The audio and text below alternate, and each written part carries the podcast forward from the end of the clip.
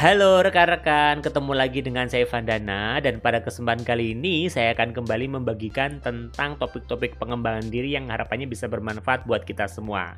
Nah, pada sesi kali ini saya akan bahas dulu kaitannya dengan coaching gitu ya, yang sebenarnya sudah sempat saya bahas, tapi kali ini kita akan coba ulik lebih dalam lagi kaitannya dengan uh, apa itu coaching dan bagaimana penerapannya di organisasi. Nah, untuk membantu rekan-rekan memahami ya kaitannya dengan penerapan di organisasi, kali ini saya nggak bahas banyak-banyak dulu. Saya akan coba membahas dua dulu ya, uh, dua jenis coaching yang biasanya juga lazim ditemukan atau kita lihat atau dilakukan di perusahaan. Apa itu? Yang pertama adalah eksekutif atau leadership coaching dan yang kedua adalah performance coaching. Sekilas memang kalau kita lihat dua hal ini sama-sama proses coaching, tapi yang membedakan di antara keduanya adalah bagaimana penerapannya dan apa yang kemudian berusaha untuk dimaksimalkan dari individu tersebut.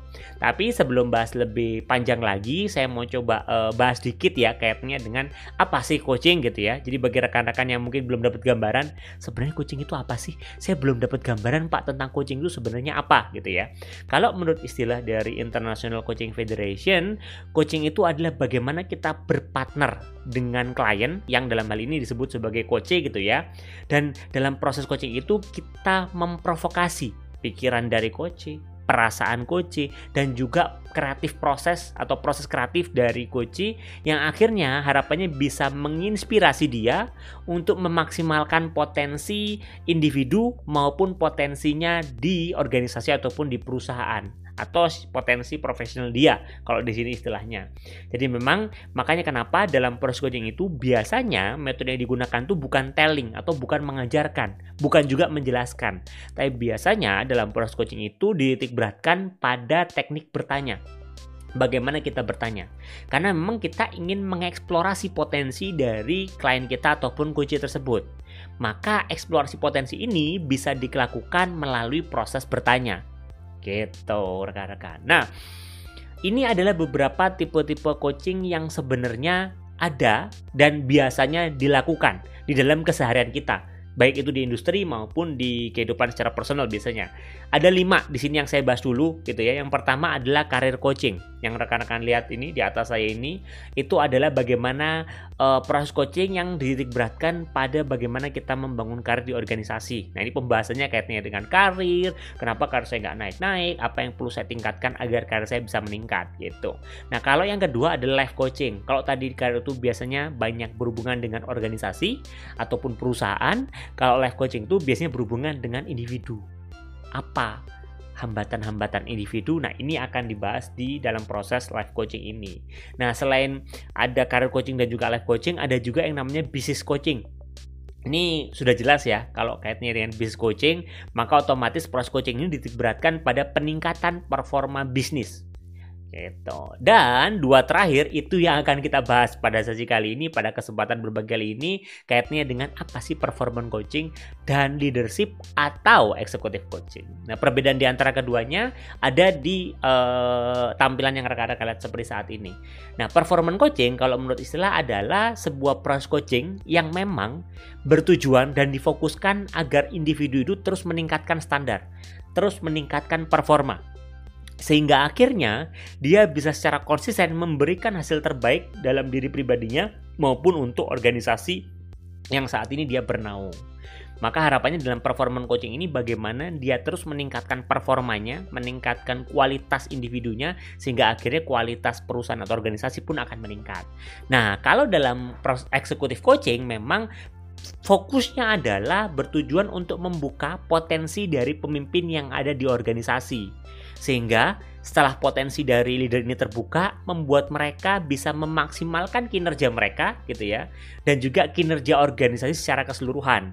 Makanya executive coaching itu biasanya dekat dengan leadership coaching karena memang berfokusnya ke bagaimana meningkatkan potensi kepemimpinan yang ada dalam individu, kaitannya dalam pengelolaan people, bagaimana kemudian melihat visi jauh ke depan dan yang lainnya. Ini adalah beberapa hal yang biasanya dilakukan di dalam proses executive coaching. Tuh, harapannya memang pada akhirnya uh, mereka atau para leader ini bisa uh, mengelola perusahaan dengan lebih efektif. Makanya kalau dalam performance coaching ini biasanya eh kok performance coaching.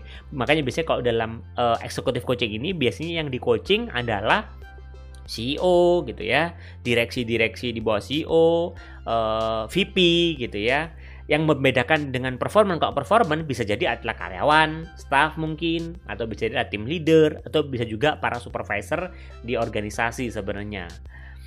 Nah, ini adalah beberapa uh, data fakta ya yang digali di universitas oleh Universitas Stanford University gitu ya kaitannya dengan apa sih yang biasanya di coaching ketika para CEO ini mengikuti proses coaching. Dan di sini bisa teman-teman lihat yang cukup dominan gitu ya, kaitannya di dalam proses uh, eksekutif coaching ini adalah kaitannya dengan leadership dan juga delegation skill, conflict management skill gitu ya, karena ini berbicara tentang mengelola organisasi gitu, yang otomatis organisasi ini banyak orang-orang, banyak kepala-kepala di dalamnya, maka konflik itu memang akan sangat sering terjadi. Setelah itu juga ada listening skill, planning skill, karena uh, Eh, direksi CEO itu biasanya kan berbicara visi ke depan. Nah dari visi tersebut kemudian apa planningnya? Memang lebih strategik gitu ya. Ini juga yang sering kali dibahas dalam proses eksekutif coaching biasanya. Atau ada juga kaitannya dengan bagaimana mendevelop internal talent, team building, decision making dan yang lainnya. Nah, terus kalau performance coaching apa sih yang biasanya dibahas gitu ya? Kalau saya kasih visual gambarnya, eh, performance coaching itu biasanya adalah melihat gitu ya potensi dari individu. Seburuk apa pun performan dia nah kita lihat karena kita, para performan coach itu selalu yakin bahwa seburuk-buruknya performan individu ataupun karyawan dia punya potensi sebenarnya.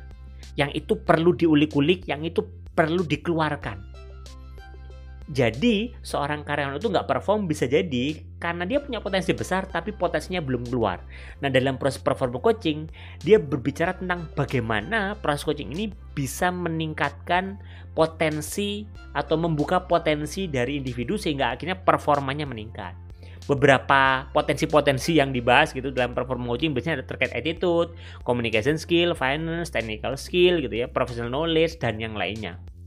Maka kalau berbicara dalam proses performance coaching biasanya selalu berbicara tentang apa potensi yang dimiliki, apa sumber daya yang dia sudah miliki, apa kemampuan dan kelebihan yang sudah dia miliki untuk kemudian dimaksimalkan untuk e, melihat kondisi saat ini performanya seperti apa di organisasi.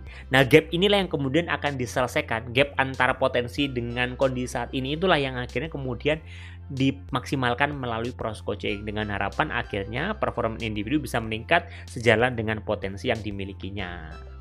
Gitu rekan-rekan. Nah mungkin itu yang bisa saya bagikan pada kesempatan kali ini kaitannya dengan apa sih bedanya executive coaching dengan performance coaching. Moga-moga bermanfaat dan sampai ketemu di video saya selanjutnya.